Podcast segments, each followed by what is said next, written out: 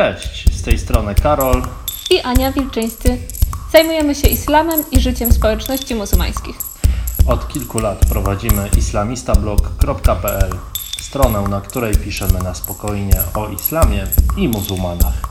Jeśli interesują Cię informacje o sprawach arabskich, muzułmańskich i nie tylko, śledź zarówno nasz podcast, jak też wiadomości, które publikujemy codziennie na Facebooku i Instagramie. Możesz też wesprzeć nasze działania na serwisie Patronite.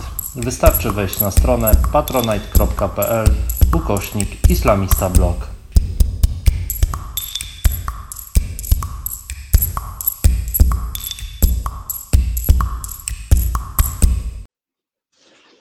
Dzień dobry, z tej strony Karol Wilczyński z islamistablog.pl. Dzisiaj jesteśmy na rozmowie z panią Suzanną Izetidenową, która e, prowadzi super piekarnię Azima w Gdańsku, chociaż nie pochodzi z Gdańska, bo pochodzi z Krymu. I dzisiaj wybierzemy się z panią Suzanną właśnie na Krym. I porozmawiamy o tatarskiej kulturze, porozmawiamy o tatarskiej kuchni, to na pewno, ale porozmawiamy też o wszystkich sprawach, które e, Was interesują, o które zapytacie. Mm, pani Suzanna jest muzułmanką, na pewno już wymieniliśmy parę zdań o hijabie, o chustce, więc na pewno też ma coś do powiedzenia na ten temat. E, porozmawiamy o atrakcjach na Krymie, porozmawiamy o trudnej sytuacji politycznej i powodach, dla których pani Susanna właśnie jest z nami dzisiaj w Polsce. Ale zanim zaczniemy i e, zanim przejdziemy do tego, chciałbym, żebyście nam napisali, czy nas słychać i czy nas widać klasycznie. E, jak wiecie, e, już widzę, że Robert e, napisał dzień dobry. Jak wiecie, jedynym głosem i no, wy mi dajecie pewność, że nas słychać. Te wirtualne spotkania mają swoje plusy, ale minusem ogromnym jest to, że nie możemy się widzieć i ja nie jestem pewien, czy nas słychać i czy nas widać. Więc proszę napiszcie w komentarzu, skąd nas słuchacie i napiszcie czy na pewno wszystko jest w porządku. Widzę, że Marta, Ewa i Bożena już nas słuchają. Bardzo serdecznie pozdrawiam. To jest spotkanie z cyklu, który mm, jest jakby kontynuacją ferii na Bliskim Wschodzie. To był taki nasz projekt styczniowy, gdzie mieliśmy 11 lekcji o różnych tematach związanych z islamem, różnych tematach związanych z migracjami. On się bardzo udał. Pisaliście nam, żebyśmy mm, no, wrzucili te lekcje na nasz kanał na YouTubie. One są dostępne na YouTubie, na Facebooku, na Spotify'u i innych kanałach podcastowych. I tak samo będzie z tym filmikiem. Agnieszko, dziękuję. E, e, widać i słychać, Justyna też mi pisze, że widać i słychać. Bardzo, bardzo dziękuję. Napiszcie skąd nas słuchacie. Widzę, że Gdańsk pozdrawia i Gdynia pozdrawia. To właśnie pani Suzanna też obecnie jest w Trójmieście i Bytom. E, także pozdrawiamy Was serdecznie. No, ale jeśli macie jakiekolwiek pytania, jakiekolwiek komentarze, pamiętajcie, żeby pisać. Jeśli coś jest, cokolwiek będzie niejasne w tym, o czym mówimy, jeśli pojawi się jakieś słowo, którego nie rozumiecie, nie wiem, jakaś nazwa, wpiszcie to w komentarzu, żebyśmy wiedzieli, że te filmiki są dostępne dla każdego, bo chcemy, żeby one były dostępne dla każdego, żeby każdy mógł no, zdobywać tę wiedzę, którą się tutaj dzielimy. Za tydzień widzimy się na migawce migracyjnej. To jest taki nasz nowy projekt. Będziemy rozmawiać właśnie jeszcze więcej o migracjach i uchodźstwie. Bardzo serdecznie Was zapraszam. E, będę rozmawiał z Anią Albot, która jest super specjalistką e, w temacie, i razem będziemy dzielić się naszymi doświadczeniami, naszą pracą z uchodźcami. Pamiętajcie, że działamy tylko dzięki wsparciu naszych patronów, także zapraszam tych, którym ta e, wirtualna wycieczka się spodoba na patronite.pl kośnik islamista blog. I jeszcze raz zachęcam Was do wpisywania komentarzy i dzielenia się tym, co myślicie i e, dlaczego nas słuchacie i dlaczego Was ten Krym e, zainteresował. Pani Suzanno, już zaczynamy. Bardzo serdecznie witam i bardzo dziękuję za e, przyjęcie zaproszenia. Dzień dobry wszystkim i ja też dziękuję za zaproszenie. E, pani Suzanno, zanim pewnie pojawią się te pytania, ja e, może zapytam o coś, co. Ojej, tutaj ktoś, ktoś napisał po tatarsku chyba. Ja to postaram się przeczytać, ale przepraszam, jeśli zrobię to niepoprawnie. i Akshamlar Cieksendangheliorum. Okej, okay, to jest po turecku, dobra. E, nie znam kompletnie tureckiego, ale Jak Szamlar, to dobry wieczór. To pan Marcin tak w ten sposób e, e, napisał. E, I pani Dorota, dzień dobry, Suzy. Dorota Dora, myślę, że to jakaś znajoma. Tak, to moja koleżanka. Pani Suzanno, ja zapytam o coś takiego, e, może zaczniemy od takich tematów historycznych, ale pomyślałem sobie, że byłoby super, gdybyśmy troszkę poznali historię Tatarów krymskich, którzy są inni niż Tatarzy polscy, inni niż Tatarzy litewscy, inni niż Tatarzy rosyjscy, inni niż różni inni Tatarzy. E, pani urodziła się w Uzbekistanie i stamtąd e, przyjechała dopiero pani na Krym. Proszę opowiedzieć, jak to się wydarzyło, że właśnie tak dużo e, Tatarów krymskich, tak jak pani, urodziło się na Krymie, na, w Uzbekistanie i dopiero potem dotarło na, na Krym? No, wszystkie mówią cały czas o tej deportacji krymskich Tatarów tylko o 1944 roku Stalinem. Ale tak naprawdę deportacja Tatarów zaczęła się jeszcze z czasów caricy Katarzyny.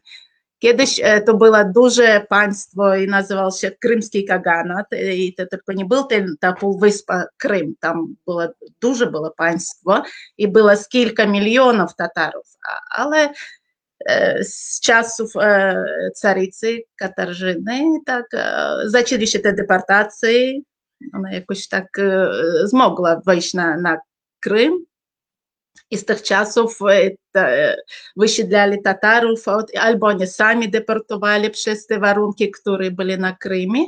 I to ostatnia deportacja była już Stalinem w 1944 roku. Moja babcia i dziadek trafili na Uzbekistan, w Uzbekistan, tam żenili się i moi rodzice już urodzili się w Uzbekistanie, miejscowość taka Fergana, ja też w Ferganie urodziłam się, no i mieszkała tam do 13 lat, do 89 roku.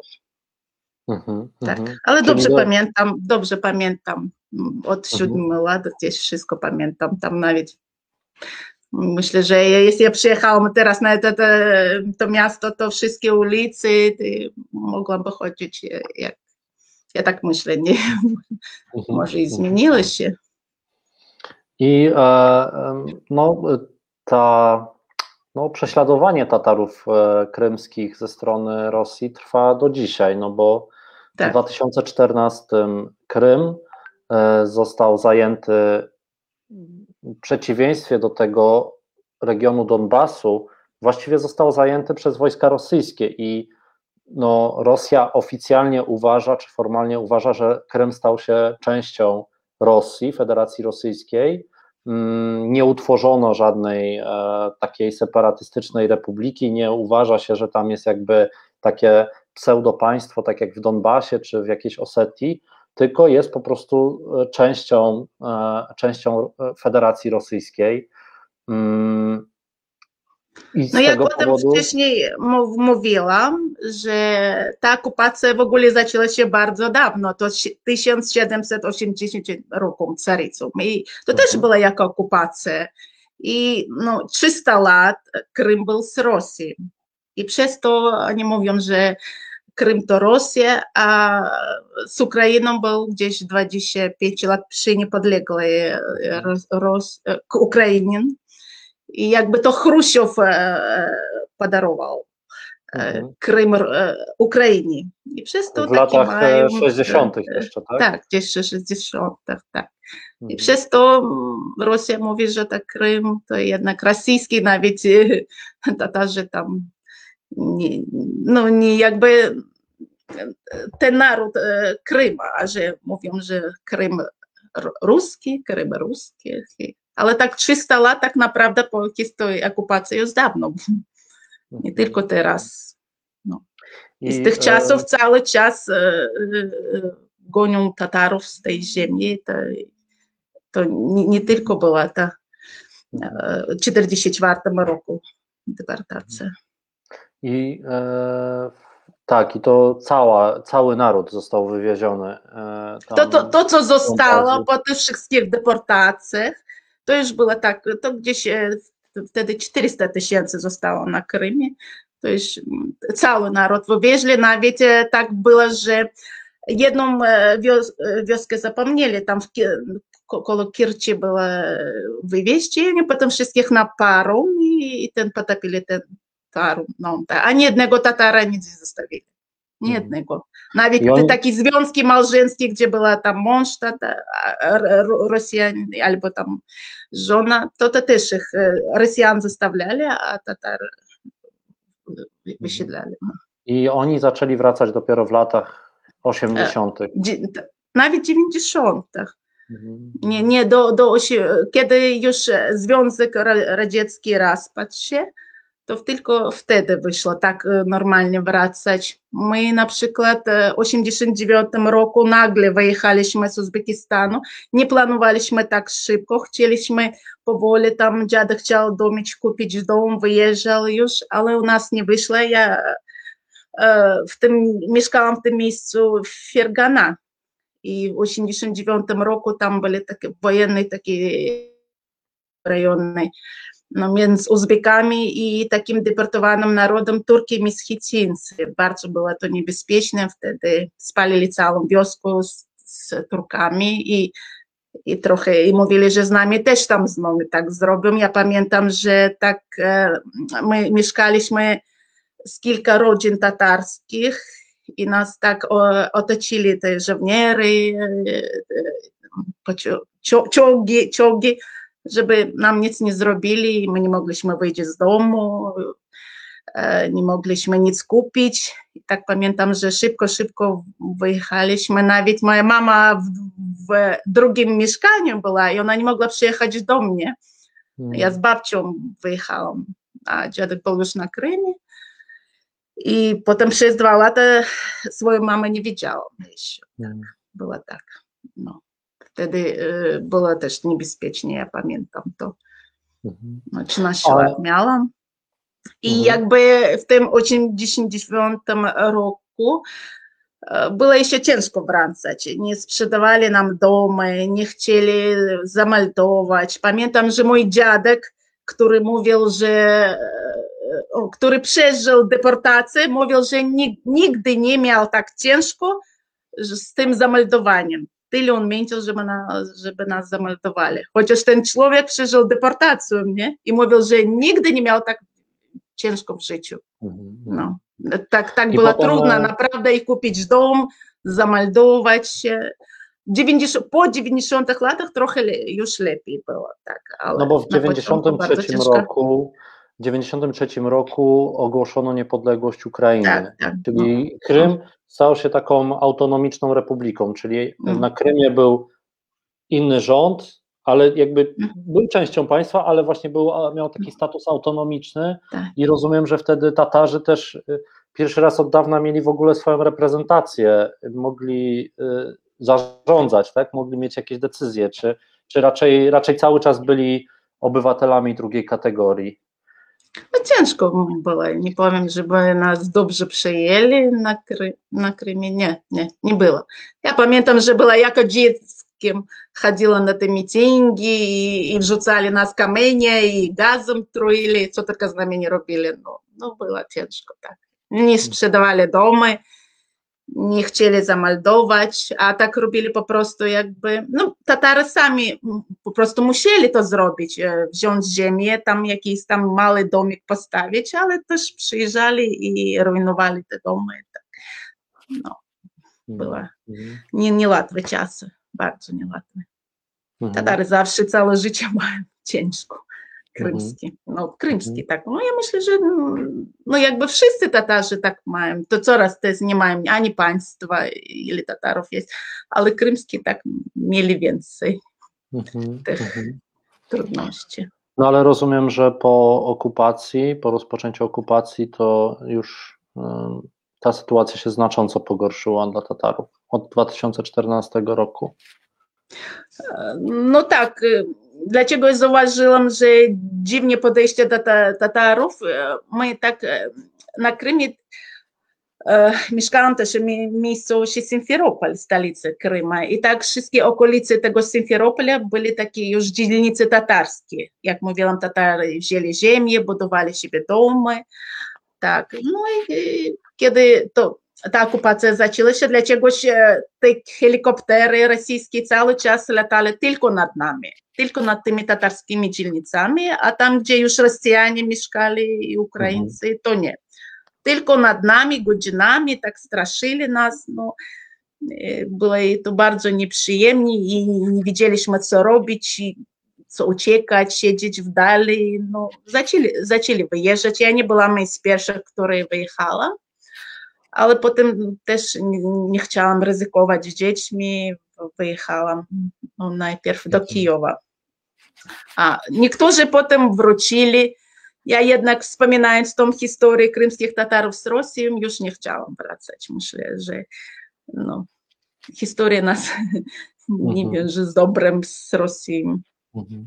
Ale czy w tej chwili na Krymie e, ma Pani kontakt ze znajomymi, czy, czy rodziną właśnie Tatarami, którzy, którzy no, zostali? Tak, tak, mam. I, I jak wygląda w tej chwili sytuacja? Niedawno wrzucaliśmy na, e, zapowiadając też nasze spotkanie, sytuację bardzo trudną związaną z kryzysem wodnym.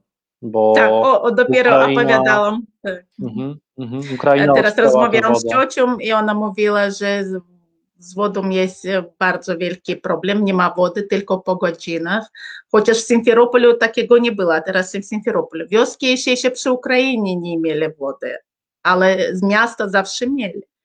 Mhm. A teraz to ciocia mnie dzwoniła przed chwilą, przed tym e, wywiadem i mówiła, że no każdy robi, nie zbiera sam swoją tą wodę i tak e, używają. Bardzo ciężka jest z wodą, tak. No.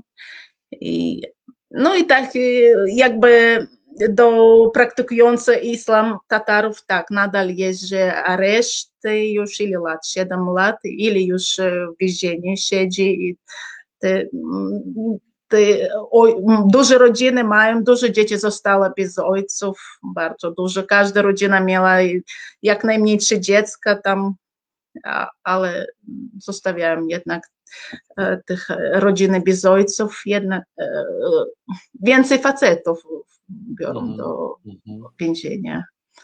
Dużo. I taki dają duży im termin po 17 lat, 19, za nic. No ale to jakieś, e, nie wiem, jakieś powody muszą wymyśleć, że jakaś no powody, działalność... że praktykują islam, a mhm. jest taki stereotyp, że, że islam związany z terroryzmem, no niby profilaktyka terroryzmu, jak oni mówią. Chociaż ani jednego teraktu na Krymie nie było, no jak tak oni robią profilaktyki? No mhm. kiedyś ja tak e, mówię cały czas, w 44 mówili, że Tatarzy sprzedawcy, a teraz mówią, że terrorysty. Mhm. Zdrajcy. Tak, zdrajcy, no, tak. Zdrajcy. No to wtedy, żeby nie my z Niemcami w czasach wojny byli razem z Niemcami i przez to deportowali. A mhm. teraz taki oni swoi udowadniają, że, że terrorysty, tak, profilaktyka terroryzmu. Pani Ewa pisze, kiedyś e, posprzeczałam się na ten temat z panią profesor na studiach. Pani wykładowczyni była Rosjanką i powiedziała, że Krym zawsze był rosyjski. Ja wtedy zapytałam, co z kilkusetletnim istnieniem Hanatu krymskiego. E, no dzisiaj to też jest przedmiotem sporu. Bardzo często pojawia się ten temat właśnie Krymu e, w dyskusjach i, i właśnie przez to, że Rosja twierdzi, że to jest e, Krym stał się częścią Rosji, no i de facto stał się, to znaczy tam nie ma już Ukrainy, nie ma wojsk ukraińskich, nie ma żadnej kontroli, tylko Rosja jest, e, kontroluje, ale zgodnie z prawem międzynarodowym, no Ukraina e, na przykład właśnie to jest bardzo ciekawe, tak, dlaczego Ukraina zamknęła dostęp do wody, która wcześniej płynęła z Ukrainy, nie było z tą wodą takich problemów, no bo Ukraina mówi, no dopóki nam okupujecie nasze terytorium, to nie, nie damy wam dostępu do wody i, i nie ma mowy. To, to mimo zmiany rządów też na Ukrainie, e, ta e, twarde stanowisko się nie zmienia i no, y, to jest ciekawe też w takim kontekście politycznym, jak e, nie wiem, właśnie czasami wybuchają takie skandale, że nie wiem, Google zrobi mapkę, na którym Krym nie jest zaznaczony jako Ukraina, to już e, Ukraińcy bardzo często podnoszą e, taki alarm i, i wzywają swoich dyplomatów, żeby protestować przeciwko, przeciwko temu. Także no, sytuacja jest niełatwa. Ja, będąc na Ukrainie wielokrotnie, mieszkałem też pół roku w 2009 roku. Bardzo żałuję, że, że nie, do, nie dotarłem na Krym. Byłem w każdym zakątku Ukrainy, a Krym sobie zostawiłem właśnie nie, myślałem, muszę tam pojechać na miesiąc, to jest tak ciekawy region, e, nie jeździć nigdzie indziej, tylko właśnie ten Krym e, zobaczyć, no bo mhm. Szkoda, że pan nie był. Szkoda, ja bardzo żałuję, no bo wiem, że teraz bardzo dużo czasu minie pewnie jeszcze, zanim będzie szansa, żeby tam pojechać. I tutaj właśnie było pytanie, to ja może od razu je zadam. Pan mhm. Daniel pyta, e, czy w ogóle można w tym momencie odwiedzać Krym i czy Pani zdaniem etyczne, moralne jest odwiedzanie Krymu w celach turystycznych, w momencie, gdy ten terytorium jest okupowane? Myślę, że nie etycznie. Tak. Mhm. No, myślę, że no, jeśli to okupacja, to, no, to jest no, nielegalnie tam, tam jedziesz. Jedziesz na taką. Ja, ja nawet jako krymczanka nie chcę tam jechać. No, nie chcę te, przekraczać tej granicy i rozmawiać z tymi rosyjskimi jak to nazywa się? Pogranicznikami. Pogranicznikami, tak. No. Mhm. no będzie, ta, będzie to nieprzyjemnie. To jedną granicę trzeba przejść, drugą, e, jedną ukraińską, potem e, rosyjską. My wszyscy mówią, że to bardzo tak nieprzyjemnie. No. Mhm, mhm. Mogą bardzo długo trzymać na tej granicy. I 11 godzin słyszałam. No. Nawet była z tej granicy i ginęli ludzie, no. Tak no bo wcześniej, e, wcześniej było bardzo dużo turystów na Krymie, prawda? I to z tak, Rosji, z Ukrainy, bardzo, z Europy. 5 milionów to było, przyjeżdżało, bardzo dużo było. I. Krym tym żył. Ale teraz mówią, że Rosja bardzo dużo jedzie i tym też Krym niby nadal ma dużo turystów, ale to już rosyjskie turysty. Mhm, mhm, mhm. No. A jednak jadą Ukraińcy, ale dużo kto ma tam rodziny. Jadą, no co mogą, jech muszą jechać do rodziny swojej. Tak. No nie, nie myślę, że nie jako turysty. Słuchajcie, jeśli macie jakieś pytania i chcielibyście zapytać też o Krym, ale też przejdziemy teraz do tego tematu um, może już nie politycznego, ale bardziej właśnie może życia pani Suzanny. Pani Suzana jest e, uchodźczynią e, w Polsce. Jestem bardzo ciekaw e, właśnie pani doświadczeń tutaj w naszym kraju. Mm, no, tutaj właśnie się pojawiają też takie komentarze. Anna pisze: Pamiętam czasy, jak moi znajomi jeździli na wakacje w latach 70. No właśnie na Krym. No ja bardzo, bardzo żałuję, bo możecie oczywiście poczytać nawet na nie wiem, Wikipedii zobaczycie, od razu widać historię Krymu. To jest historia, która ciągnie się tysiąclecia wstecz i e, te... Ale w latach 70. tam Tatarów nie było i Krym nie taki nie był piękny bez Tatarów. No, Nawet prawda. duże, I... na takich, e, nie wiem, pisarzy o tym mówili, że Krym stracił bez Tatarów swoją taką unikalność, taką, nie wiem, no, mm -hmm. no innej Tatarów. Tatarzy jako naród też można powiedzieć, że oni zebrali e, w swojej kulturze te różne wpływy, tak? Greckie, tak, włoskie, tak, tak. różnych kultur Azji, e, też słowiańskich kultur. No, jest coś niesamowitego i też e, no to oczywiście widać najbardziej w kuchni. Mm, ja pamiętam, jak byliśmy dwa lata temu, to co Ukraina zyskała i chyba Gdańsk, jak rozumiem, też to jest właśnie to, że e, z Krymu uciekający Tatarzy zabrali ze sobą swoją kuchnię i byliśmy w fantastycznej restauracji w Kijowie właśnie tatarskiej. Ja czegoś tak pysznego nie pamiętam, żebym coś takiego jadł, więc e, tatarska kuchnia jest rewelacyjna. Tak. No i może przechodząc do kuchni, e, porozmawiamy o Pani życiu tutaj w Polsce, bo no wiemy, że się dosyć dobrze ostatnio układa i ta Pani biznes się rozwija.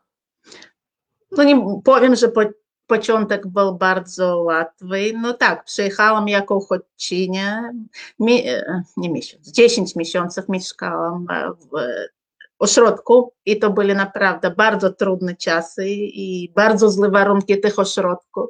Ja byłam przerażona w ogóle tymi warunkami i w ogóle jak do uchodźców no, no jak ta procedura uchodźcy. Na przykład no dlaczego uchodź, uchodźcy to ten, kto ucieka, nie? Ucieka od złego życia i chce lepszego, da. a tutaj na co trafi? Na, na bardzo złe warunki. Potem zaczynają z tymi e, dokumentami, nie? Cały czas stresująco, bardzo stresująca procedura. Ja myślę, że jeszcze gorzej masz potem niż tam u, u siebie. Naprawdę. Ja nawet znam takich, którzy zwariowali potem w psychiatrycznych takich szpitalach leżeli. I ja powiem, że ja zrezygnowałam z tej procedury, dlatego że nie, nie wytrzymałam by i bardzo się dziwię, kto to wytrzymuje tą procedurę uchodźcy. To nie warto, nie. Ja, ja zrobiłam kartę pobytu po pracy. Ja byłam uchodźczynią tylko gdzieś rok, a potem zrezygnowałam. Ja mówiłam, ja nie będę ani z jakimi prawnikami, ani z, nie, nie, nie będę walczyła w ogóle. Po co ja ja z Krymu i tam była wtedy sytuacja i mam to udowodnić. Cały czas prosili jakieś tam papiery, no, no chyba wszyscy wiedzieli, co się dzieje na Krymie, że jestem Tatarką i jak do nas z nami Rosja, ale nie, to im tysiąc papierów, im tam wywiadów, to jest masakra lat. naprawdę. Ja, ja jestem przerażona hmm. tym i, i nikomu nie poradziłam być uchodźcą. Hmm. A jakie no. złe warunki w tych w, dzieci, dzieci w jakich złych warunkach mieszkają w tych e, ośrodkach. No po prostu coś strasznego. Antysanitaria, nie ma higieny w ogóle. No. No i ja, ja, ja wszystkim mówię, że ja płakałam, nie było ani jednego dnia, żeby ja nie płakałam. Chodziłam do psychologa, może to mi pomogło, tak, no. No to bardzo złe czasy, nawet nie chcę o nich mówić i wspominać. No. Mhm. Może A... zostanie to ze mną, zostanie tam do końca życia, to najgorszy moment w ogóle mojego życia. Mhm. To może przejdźmy do tych pozytywnych rzeczy, bo myślę, że większość naszych słuchaczy ma świadomość, e, jak ciężko jest żyć uchodźcom w Polsce. W ogóle, no, akurat myślę, że pani jest w gronie też tych nielicznych osób, które w ogóle dostały tak, jakiś status, ochronę i tak dalej, bo większość ludzi jest odsyłana na granicy z kwitkiem i w ogóle czy Ukraińcy, czy Czeczeńcy, czy inni obywatele Federacji Rosyjskiej, którzy uciekają przed Federacją Rosyjską, są odsyłani z polskiej granicy i nie mają szans na to, żeby e, no, muszą Białe dostać... Podlaski e, przez ten plot widziałam i przez okna e, widziałam ten zamknięty ośrodek, nie? I tam, I tam jest to więzienie. I co mi się dziwiło, że siedzą tam dzieci. Za co? Tam oni chodzili do, na, na przykład na śniadanie, to, to tak ochrona była, no, no, no to, to po prostu i potem co mi opowiadali, kto byli w tych zamkniętych ośrodkach, to co się dzieje, no przy, że w takich warunkach trzymają dzieci. Za co dzieci, a tam, a tam takie jednak te muzułmańskie rodziny dużo. Trójka dzieci jak najmniej, Wszyscy mieli czwórkę dzieci, trójkę dzieci, pięć. I oni tam siedzą w tych zamkniętych, y, y, w więzieniu po prostu siedzą. No to, to u tych dzieci nie będzie połamana psychika. Ja nie siedziałam w zamkniętym y, ośrodku i to mnie jest już psychiko nie jest dobrze. A co z tymi dziećmi? No po prostu nie wiem, po co ta procedura taka uchodźcza, żeby człowiek ma stres, ucieka ze swojego kraju, przez co i tutaj ma jeszcze gorzej w tych ośrodkach. I z tą procedurą okropną. Bardzo, bardzo dobrze, że Pani to mówi. Niech e, właśnie po to jest to Córka spotkanie. mi mówi, że jest... bardzo dobrze. To e... nikt to nie zmieni. I nikt to nie zmieni. Nadal myślę, że w tych zamkniętych ośrodkach siedzą dzieci w takich warunkach. To zniecenie się, nie wiem, dobrze, rodziców wsadźcie do tych więzień, jeśli ma, ale po co dzieci?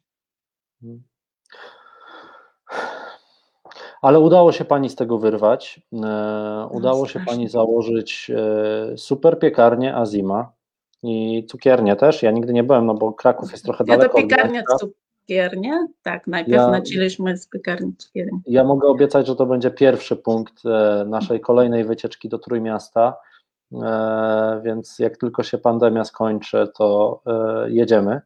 E, mamy też inną naszą przyjaciółkę, uchodźczynię Hedi Alijewą, którą serdecznie pozdrawiam. Ona w ogóle słucha. Hedi też świetnie gotuje, aczkolwiek ona nie prowadzi jeszcze, aczkolwiek może powinna, bo naprawdę e, ta kuchnia czeczeńska też jest świetna. Więc jednak udało się i może mogłaby Pani opowiedzieć o tym, o tym pozytywnym. Co, co się stało, że Pani się udało właśnie rozkręcić ten biznes i e, no, też jest świetny pomysł e, z tym jakby dalszym pomaganiem, tak, wyrywaniu się mhm. uchodźcom z tego błędnego koła, e, bo pani daje pracę w tym momencie bardzo wielu osobom, prawda?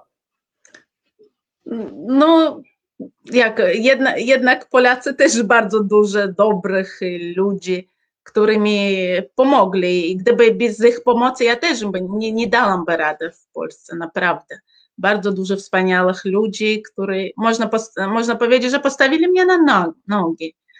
Ja tak przez swoją wdzięczność wszystkich częstowałam i wszyscy, cały czas we wszystkich swoich wywiadach o tym mówię, że ja to częstowałam naprawdę, tam przynosiłam słodkości, ale nasze te ciboreki i tak wszystkim smakowało, że no, zaczęli zamawiać. Tak dużo zamawiali, że już w domu kupowałam zamrażarkę dużą, mroziłam i mrożony, i niemrożony, dużo sprzedawałam, aż tak doszło do, doszło do tego, że ja nie dawałam rady w swojej kuchni tyle gotować. I dlatego zdecydowałam, że jednak trzeba otworzyć coś. Myślałam najpierw albo restaurację, albo piekarnię. No i dobrze, że zdecydowałam się na piekarnię w tych czasach, jak widać, co się dzieje z restauracją, to byłoby bardzo źle. Jednak teraz nas ratuje piekarnia, że na wynos i jednak bułeczki, tam takie wypieki cały czas kupują. I, I tak, no zaczynaliśmy z córką razem, z dziećmi pomagali, tak na początku było ciężko. Ja nie myślałam, że to od razu pójdzie. I, i tak nie, nie zatrudniłam na początku ludzi, sami ale było to bardzo ciężko, takie czasy, że nie mogliśmy nadążyć to ty, tyle upiec. Pusty półki cały czas byli, mieliśmy duże kolejki i, i mnie tak stresowałam, że ja, co, ja ta, taką reklamę zrobiłam, naprawdę duże reklamy przed tym robiłam, a tutaj ludzie przychodzą i puste półki. I, i, i pracowałam i w nocy, i, i w dzień, 20 godzin, to chyba ja w życiu nigdy tak dużo nie pracowałam. Nigdy. Ja nawet samej się dziwię, jak ja dałam radę. Naprawdę. Ja nie jechałam do domu, ja spałam w samochodzie, tam przy piekarni stał samochód, ja szłam tam po pół godziny, spałam i no, dla mnie to były też ciężkie czasy, to, to tak zacząć to. I nie wiedzieliśmy co, to cały czas próbowaliśmy tak i zrobimy tak, no to ja ludzie przychodzili, to pytali, to jakby, to teraz menu jakie my mamy, to jakby razem wspólnym klienci i my. My próbowaliśmy, oni mówili, czy podoba się, czy nie, i, tak, i razem wyszło, że teraz już, już mamy takie stałe menu. Ale na początku dużo było takich jakby eksperymentów no, różnych i, i nas wspierali. E, klienci bardzo lubią naszych klientów, oni nas cały czas e, po, po, powodzenie życzyli, dużo, dużo miłych słów, bardzo mili ludzie. Ja, ja się bałam na początku, ja myślałam, że ja muzułmanka e, w chustce, moja córka w chustce, jak będą oni nas odbierać? No, ba, bałam się nawet i taki duży baner tatarski, przysmaki, i jedna polska, z polskich Tatarów e, przyszła i powiedziała, kto tu taki śmiały, tak otwarto napisał tatarskie przysmaki, że niby Tatarów nie lubią, jak, jak nie lubią, bardzo lubią. Ja mówię, nie wiem, ja widzę po swoich klientach, że oni cały czas mówią, że bardzo lubią Tatarów, że dużo mają w swoich rodzinach Tatarów, e, mówią o swoich dziadkach, pradziadkach, nie wiem, tam babciach, naprawdę bardzo dużo Polaków mają tatarskie korzenie. No i ja nie wiedziałam, żeby nie lubili Tatarów, nie. Ona tak, ona polska Tatarka powiedziała, nie zdziwiłam się, że on tak powiedziała. No. Mm -hmm. No i a, a, jest... a, potem, a potem z czasem zaczęłam zatrudniać jedno, drugie, osoby tak, z różnych krajów, wszyscy różnych krajów, z Uzbekistanu, z Krymu byli. Z, tak? tak?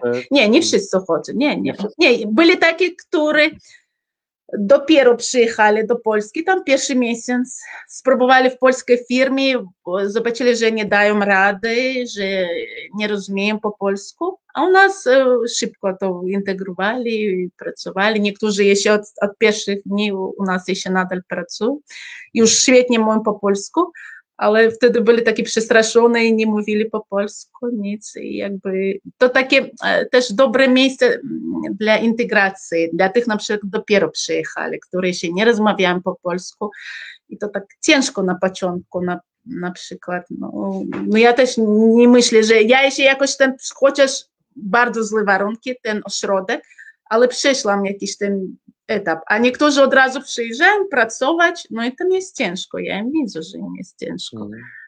No. Ja I tak sobie dużo z kilka osób jest, takich.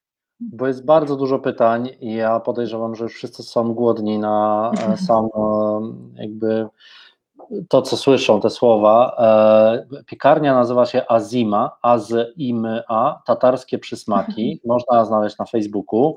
E, i e, to się znajduje przy ulicy Mickiewicza 13. Ja nie znam Gdańska, więc nie umiem powiedzieć, w którym miejscu Gdańska to jest, ale Wrzeszcz. E, Wrzeszcz, więc na Wrzeszczu. I tutaj Monika pisze, następna wizyta w Trójmieście nie obędzie się bez wizyty w waszej piekarni. Monika, ja Dziękuję, myślę, że to musi być pierwszy, pierwszy w ogóle punkt wycieczki, bo jak sama słyszałaś, po południu już są puste półki. Nie, już tak nie, teraz już, już naprawiliśmy. To na początku tak było. Ale lepiej, e, po polsku zawsze mówimy, przezorny, zawsze ubezpieczony. E, musimy się po prostu zabezpieczyć i pojedziemy tam z samego rana. E, Maciej pisze, mieszkam w Trójmieście, nawet widziałem kilka razy pani pikarnię, teraz na pewno wpadnę po coś dobrego i na krótką pogawędkę. Pan Wojciech też zapowiada się z wizytą, a pani Ania pyta o o, to, o te potrawy. Co, co można kupić w Azimie? Takiego tatarskiego. Czego się nie kupi w innej piekarni? No nic nie, nie w innej piekarni. Co ja zauważyłam w polskiej kuchni, że na przykład drożdżowe ciasto macie tylko na słodko. A u nas u Tatarów drożdżowe ciasto robią na słono i z mięsem, z różnymi naczyniami. I to u nas nazywa się tawalochum. To moja babcia też bardzo często robiła. I na słodko robiła, i na, i na, na początku więcej, bardzo, więcej dużo szło drożdżowego. No i to, że my na słono, na, na słono robiliśmy te słone bułeczki z mięsem, z baraniną, ze szpinakiem, no różne tam nadzie, bardzo duże dla wegetarianów, weganów, dla wszystkich. No i zaczęli e, samsy, to ciasto listkowe, bardzo ciężko robić to ciasto listkowe. Takie przepisy, muszę francuskie, fran, nie, jednak to nie francuskie, to taki tatarski przepis na listkowe ciasto. I u nas bardzo popularne teraz te samsy. Kobiety robimy, e, to jest też niektóre dania na Krymie połączone z różnymi tam kulturami, na przykład Karaimy mieszkali. Na przykład mhm. kobiety to kraimskie, tam kibinaje robimy, to też kraimskie, ale ja my robimy jak swoje już. Ilu z no. naszych słuchaczy w ogóle wie, kim są Karaimi, ale to jest Tak, a w Polsce też są Karaimy. No. Bardziej w Litwie, tam w stronę Wilna, ale w Polsce też bardzo niewielu, ale jest trochę tak. No, no to były oni też wcześniej mieszkali wszyscy na, na, na Krymie i carica, to ona ich deportowała. Pierwszych, kogo zaczęła deportować, to Karaimów. No, oni tam też dlatego w różnych, w różnych miejscach mieszka, mieszkają. No. I u nas takie, nasza kuchnia jest takie połączenie różnych kultur, różnych, na, nawet z, z uzbecką kuchnią, dlatego że my też dużo, ile z 44 do 90 lat mieszkaliśmy na Krymie i, i dużo ich potraw uzbeckich trafiło do naszych. My też robimy jak to nasze. Często do nas przychodzą Uzbeki no, na restauracji na przykład, otwierają menu i tam widzą, co, a gdzie to tutaj tatarskie? To, to, no, tutaj bardzo dużo naszych, a mówię, no, a wy nasze ciboreki robicie? No co, oni też robią to jako, jako uzbekskie potrawy, ale to krymskie, tatarskie to, to cibureki, to nasza orientalna potrawa taka. Ale teraz też Uzbeki otwierają internet, uzbekską restaurację i robią nasze cibureki, a my robimy ich plow, no i dużo czego też. Super. Tak, no i to jest taka e, baklawa, no to jest Moja ukochana jest, więc ja muszę to powiedzieć. Baklawa, to oczywiście ona przychodzi chyba z Turcji tak naprawdę. Turecka taki- baklawa w ogóle inna, tatarska inna. okej. Jest podobna do polskich faworków. I Polacy mówią tam, że to jest podobna do naszych faworków, ale Polacy robią bez syropu, a my robimy w syropie z orzechami, z sezamą. Tak. Mhm. A turecka w ogóle inna. Chociaż u nas też mówią baklawa. Monika pisze, o rany drożdżowe bułeczki z baraniną, nie będę mogła teraz zasnąć. E, y, słuchajcie, wpadajcie do Azimy, ja nie mogę się doczekać, po prostu zrobię degustację i wszystko będę próbował po kolei. E, no, tatarska kuchnia jest rewelacyjna. E, W piekarni u nas jednak больше dużo wypieków, a w restauracji to robimy dania biedowe, różne zupy, pierożki, E, Słuchajcie, napiszcie nam też w komentarzu, bo my, jak nie było pandemii, robiliśmy jako Islamista Blog takie spotkania na żywo, ale potem też robiliśmy je w internecie. Mm, W zeszłym roku robiliśmy taki iftar online. Właśnie Hedi też opowiadała wtedy o takich tradycyjnych ramadanowych potrawach. Napiszcie, czy chcielibyście pani Suzanny posłuchać, albo na przykład, jeśli nie będzie pandemii, przyjść na takie spotkanie e, z panią Suzanną, właśnie, żeby ona pokazała na przykład, jak się dane rzeczy robi. Być może zdradzi nam parę sekretów e, i, i może nauczymy się, chociaż pewnie nieudolnie i to nie będzie tak pyszne, ale może czegoś się nauczymy e, gotować. E, I Patty też pisze, słucham i proponuję, że może po pandemii otworzyć restaurację, bo do piekarni wiadomo każdy wstąpi, ale do restauracji ja od razu też proponuję oddział w Krakowie takiej piekarni i restauracji. No, no często o, przyjeżdżała jedna para z e, Krakowa i proponowali, że nie wiem, franczyzy coś e, otworzyć w Krakowie, ale jednak ta pandemia zaczęła się i my tak przestali, no oni też nie przyjeżdżają, a przed będzie- pandemią przyjeżdżali, chcieli wspólną jakąś restaurację otworzyć w Krakowie. To my rozpromujemy, znamy wszystkich w Krakowie, więc e, będziemy wspierać. E, I teraz tak, tutaj już jest dużo pytań, bardzo dziękuję i zadawajcie, piszcie, jeszcze mamy trochę czasu, więc możemy e, pytać. No właśnie, możemy jechać do Azimy, bo Azima jest otwarta, tutaj pan Daniel jeszcze kontynuuje ten e, okupację Krymu i ten temat e- etyki podróżowania na Krym. Dzięki za odpowiedź pani Suzannie. Pomyślałem, że rozwinę temat. Jestem ciekaw, co myśli pan Karol oraz inni uczestnicy. Zastanawiam się, czy podróże na okupowany Krym nie są przykładem dark tourismu. To dark tourism to jest właśnie taki, taka turystyka, mm, no, że się właśnie jedzie oglądać różne złe rzeczy. I aktem obojętności wobec pogwałconej ukraińskiej państwowości unikalne dziedzictwo Krymu warte jest czekania na granicy, tak jak Paryż mszy. Tylko pytanie, czy w ten sposób nie legitymizuje się bezprawia? Moim zdaniem się legitymizuje, moim zdaniem na Krym nie należy jechać. Ja sobie obiecałem, że do Rosji pojadę, jak już nie będzie pana Putina i być może będzie kiedyś taki czas, że Rosja nie będzie rządzona przez dyktatora e, i nie chcę tam jechać. Na pewno nie turystycznie.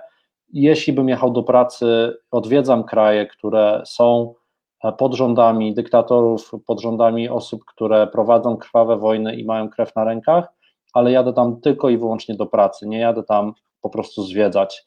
Um, więc to jest, mam nadzieję, wystarczający powód. Nie, nie cieszę się z tego, ale jadę, bo czasami trzeba oddać głos e, ludziom i ja jako dziennikarz jadę do takich krajów. No jeśli powiem coś, e, na przykład e, w celach swojej bezpieczności, na przykład to jest okupowana e, Cieśnina, tak, i, i jakby ka- kto je tam je, jedzie, to sam będzie odpowiadał, co się z nim stanie. To jest okupowana i, i nikt nie będzie, no, co się stanie, nikt nie będzie z tym, no jakby przyjechał sam, sam za, wziął odpowiedzialność za siebie.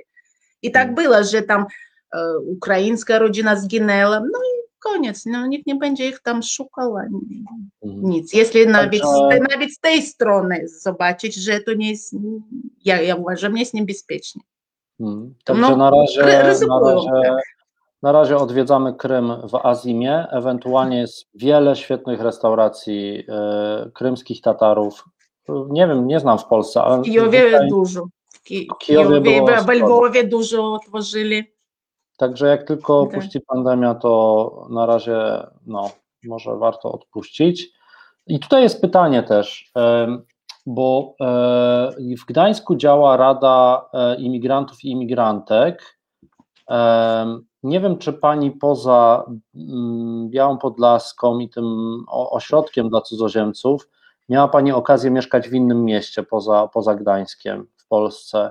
I czy jest pani na przykład w stanie ocenić, czy te wysiłki miasta, żeby integrować e, cudzoziemców przyjeżdżających, zamieszkujących Gdańsk, czy one wpływają rzeczywiście na to, że w Gdańsku żyje się na przykład lepiej niż nie wiem, w Krakowie, w Warszawie, we Wrocławiu, które nie, nie mają jeszcze takich, takich rad imigrantów imigrantek. No powiem, że wszędzie są dobrzy i wspaniali ludzie. Ja mieszkałam najpierw dwa miesiące w Białej Podlaskiej i e, pierwszy dzień poznałam w kolejce, tam trzeba było rentgen robić, podeszła do mnie e, kobieta i chciała, że po, po, powiedziała, że chce poznać nas, pani Helena.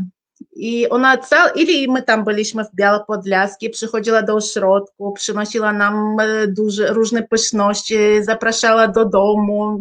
Ja byłam zdziwiona, że w ogóle na ulicy poznałam i, i że zaprasza do domu i tam po muzeach chodziliśmy z nią i, i to jest te pierwsze kroki tak, no ja, byłam też z tej strony przerażona, że tak z ulicy można jeszcze do domu przywieźć, tak, i nadal mamy z nią kontakt i dzwonimy się, ona mnie szuka, nawet jak gdzieś zginę, ona mnie szuka, gdzie co ze mną. Potem był to Lublin i tam też byli wspaniali ludzie, to nawet w tym ośrodku, na przykład nauczyciel z polskiego, on też nas nadal nas podtrzymuje, pyta jak co z nami. Ja myślę, że jeśli być samym dobrym, w każdym mieście będzie dobrze, ale Gdańsk jest naprawdę jest bardzo otwarty, bardzo tolerancyjny i myślę, że tutaj jednak lep, lepiej integrować niż w innych miastach, mhm. że tutaj taka sama polityka taka jest naprawdę w tym żeby pomagać e, integrować się imigrantom. Jest Rada Migrantów, e, który stworzył pan Paweł Adamowicz. No jednak e, Gdańsk jest naprawdę miejscem dla migrantów i chyba jest na pierwszym miejscu, nawet Warszawa na drugim miejscu po migracji. Tak. Um, Zastanawiam się, y, też rozmawialiśmy o tym przed, przed rozpoczęciem, ale no, my zajmujemy się islamem, mm, też walczymy z dyskryminacją muzułmanów i muzułmanek w Polsce i jednak no, nie ma co ukrywać, że, że Polacy mają bardzo duży problem z islamem. Wiele uprzedzeń, wiele negatywnych stereotypów i też dochodzi do ataków fizycznych, słownych na e, ulicach polskich e, miast i nie tylko. Mm, pani nosi hijab na co dzień. E, czy w związku z tym mm, właśnie z wyraźną, widocznie wyraźną przynależnością religijną miała Pani właśnie problemy w Polsce? Czy ktoś sprawiał Pani czy to się zdarza często, że jest pani właśnie atakowana, wyzywana, nie wiem, ktoś próbuje pani zdjąć chustkę, bo takie rzeczy się zdarzają. Tak, mm. słyszałam, że zdarzają, ale jednak dzięki Bogu ze mną to nie, nie, nie było. Tak, było z paru razy, że krzyczeli tam na przykład Allahu Akbar, no i to wszystko, co, co no to było z kilka razy nawet na 7 lat, nie powiem, że że to było często i bardzo obraźliwe. No co, Allahu Akbar, no Bóg wielki. To, I to jest dobrze, że oni tak krzyczą, nie? Oni nawet nie wiedzą, o czym, co oni krzyczą. To jest w tłumaczeniu Bóg wielki. Także bardzo dobrze, że oni tak krzyczą, ja tak uważam. A, a, no, na temat chustki duże pytanie, tak, mam. Po, po, że po co ty je przyjechałaś do Europy i, i że po co ta ci ta chustka, tutaj można zdjąć, twoje y, życie zmieni się na lepsze. Ja mówię, mnie nigdy chustka nie przeszkadzała. Chciałam studiować na uniwersytecie, studiowałam. Pracy może nie tak łatwo, ale zawsze mogłam znaleźć. Biznes otworzyłam, no chustka mi nie przeszkadzała w ogóle. I ja nawet, nawet ja uczę Polaków, ja im cały czas mówię, że w Biblii wy nie znacie swoją Biblii. W Biblii też napisano, Koryfianie 16, wszystkim to pokazuje, że jeśli twoja żona nie chce e, nakryć głowy, to ogól jej. Tak napisano, niech wszyscy przeczytają, na spokojnie można wejść na internet.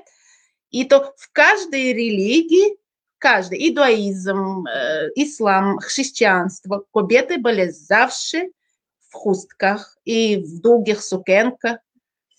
To ostatnie 100 lat tak rozebrali się te kobiety. A ile, ile, ile lat, tysiące lat chodzili ubrane. I, i, i coś, co dziwnie napisano u nas, że przyjdą takie czasy, że kiedy będą roz, rozbierać się, to nie będą się dziwić, a będą się dziwić, kiedy kobieta jest ubrana. I to taki czas mhm. teraz.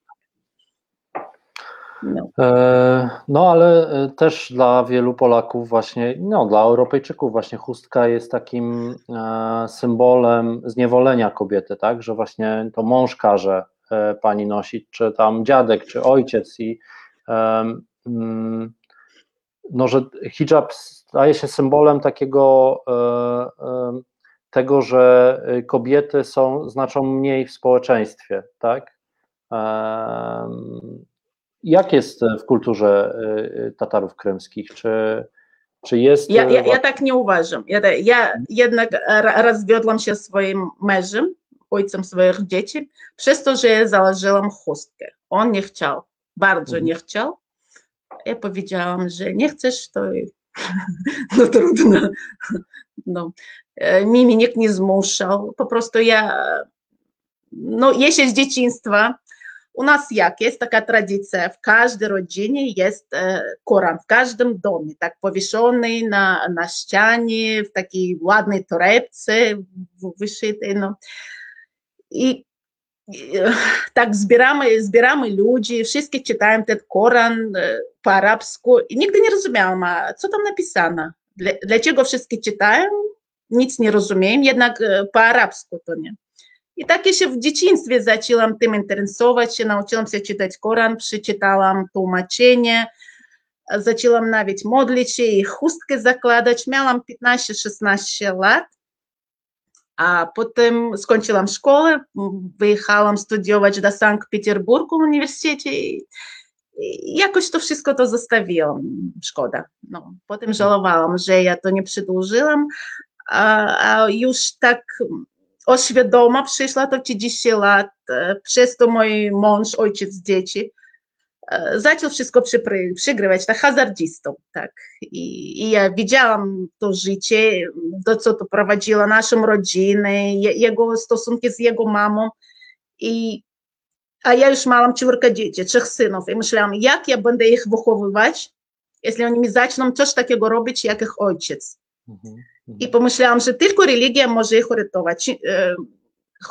Widziałam, co, że to jest bardzo wielki grzech, hazard, to alkohol, no, i że tylko religia może naprawdę może naprawić i, i wychowywać łat, łatwiej dzieci.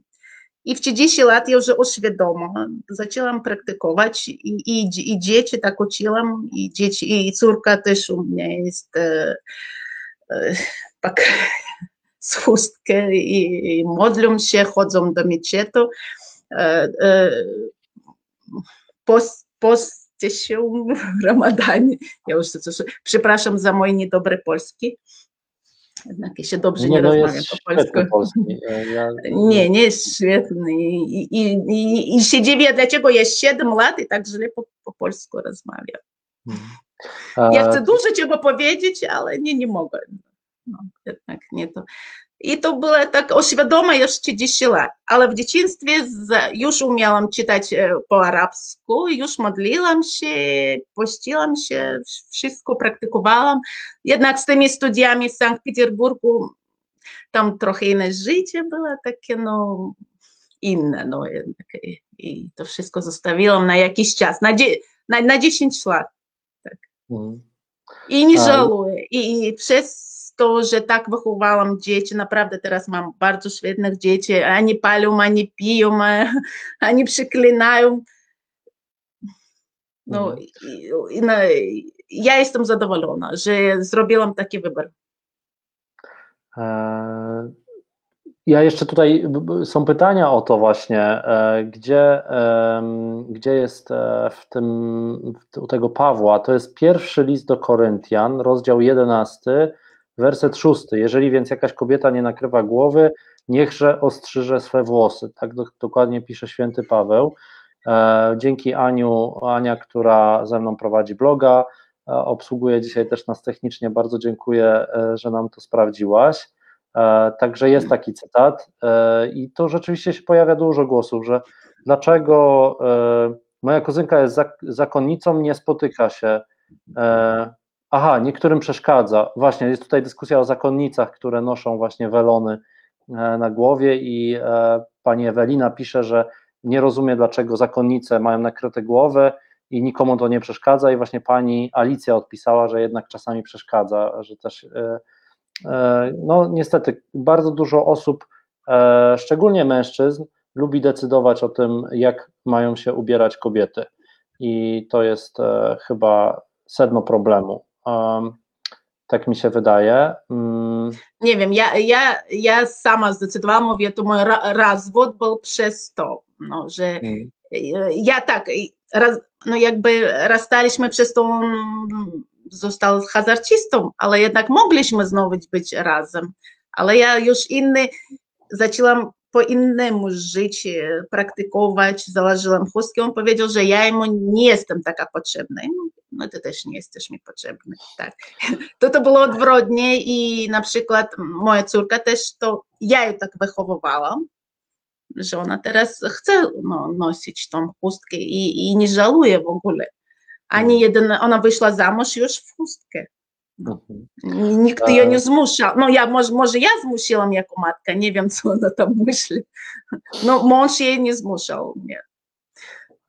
I, i, i te chustki, kiedy e, kilka razy spotykałam się z panem Pawłem Adamowiczem, świętej pamięci, i on też mnie pytał o chustki. Ja tak samo mówiłam o tym cytacie z Biblii i, i co ja myślę na ten temat, że dlaczego katoliki jednak na przykład chrześcijaństwo są prawosławne, są katoliki, tak? I jakby chrześcijan, w prawosławnej więcej, ja, ja widzę, modlą się na Jezusa jednak, a, a katoliki to Marię, tak? I to i, i wszędzie na w chustkę.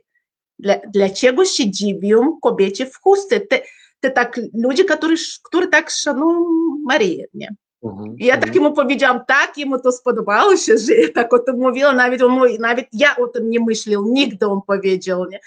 I kiedy była jego repre, prezentacja jego książki, on zaprosił mnie na tą prezentację, on to mówił, że pani Suzana tak mnie zaskoczyła tym, że my, my katoliki naprawdę bardzo szanujemy Marię i nikt nie o tym nie myśli, że ona wsiądzie w chustkę. Dlaczego my tak się dziwię kobietom w chustkach? no, ему bardzo spodobało się to moje słowa i on na tej prezentacji tak książki o tym mówił, tak. No, e, też e, tutaj e, pani Monika pisze, że te zalecenia doty chrześcijańskie dotyczą nagrywania głowy chustą podczas modlitwy, prorokowania w domu modlitwy, ale też jeśli pojedziecie szczególnie właśnie na wschód do chrześcijan prawosławnych albo do Egiptu, do Syrii, do właśnie do Rosji, no to wiele pobożnych kobiet nigdy nie tak. zdejmuje, nie odsłania włosów i one chodzą cały tak, czas. Tak samo. No, więc, e, więc to jest, e, szczególnie we wschodnim chrześcijaństwie, jest e, dosyć mocno rozpowszechnione. Mm, jeszcze tutaj jest pytanie, nie wiem, czy można zapytać, pani Agnieszka pyta, czy córka wyszła za muzułmanina, czy za niemuzułmanina? Za muzułmanina. Jego ojciec był Arabem, a mama Polka. Tak, on jest, on urodził się w Polsce za muzułmanina. Ja mogę I jego ojciec tak wychowywał, jednak on ciągnie w stronę muzułman i... Mhm. E, tak, i e, tutaj mogę zareklamować. My robiliśmy kiedyś rozmowę z Kasią Kucharską Luar właśnie na temat e, małżeństwa w islamie. Jeśli wyszukacie na naszym kanale na Spotify, to tam jest małżeństwo w islamie, czy na naszym blogu. Tam możecie więcej poczytać, jeśli Was to interesuje i te zasady właśnie małżeństwa w islamie, dlaczego, jak wygląda rozwód i tak dalej i jak jest uwarunkowany, bo to wygląda kompletnie inaczej niż e, e, na przykład w katolicyzmie, więc e, mm, no. Słuchajcie, y, widzę, że już się kończą pytania. Pani Suzanno, jest dużo komentarzy dotyczących tego, żeby jednak zrobić kiedyś warsztaty kucharskie, także może online się uda, na przykład w Ramadanie właśnie jakieś przysmaki e, ramadanowe e, pokazać, bo na pewno macie jakieś specjalne słodycze na e, iftary, prawda? Tak, tak, nasze tradycyjne robimy zawsze. No, więc myślę, że możemy tak wstępnie się umówić i bardzo, bardzo dziękuję, że byliście z nami. I widzimy się za tydzień. Pani Suzanno, E, życzę powodzenia z Azimą, będziemy promować jak tylko możemy i mam nadzieję, że niebawem uda się e, tam spotkać i e, nie mogę się doczekać, nie będę mógł spać, tak jak już kilka osób napisało. Ja też dziękuję za zaproszenie i za takie miłe słowa, za komentarze. Jednak nie było chyba złych komentarzy, to też dziękuję. Nie było, nie było. Nie było. Nie było. No, no, może ja też nie, nie tak mówiłam, ale przepraszam. Może jeśli kogoś obraziłam, nie wiem. Może ja takie nie. mam poglądy, nie? Nie, super rozmowa i wszyscy tutaj pozdrawiają. Proszę sobie jeszcze zobaczyć, a potem wyślę link e, do, do tych komentarzy. Bardzo dziękujemy i do usłyszenia za tydzień o 20. I zapraszam do Gdańska i do zimy. Do widzenia wszystkim.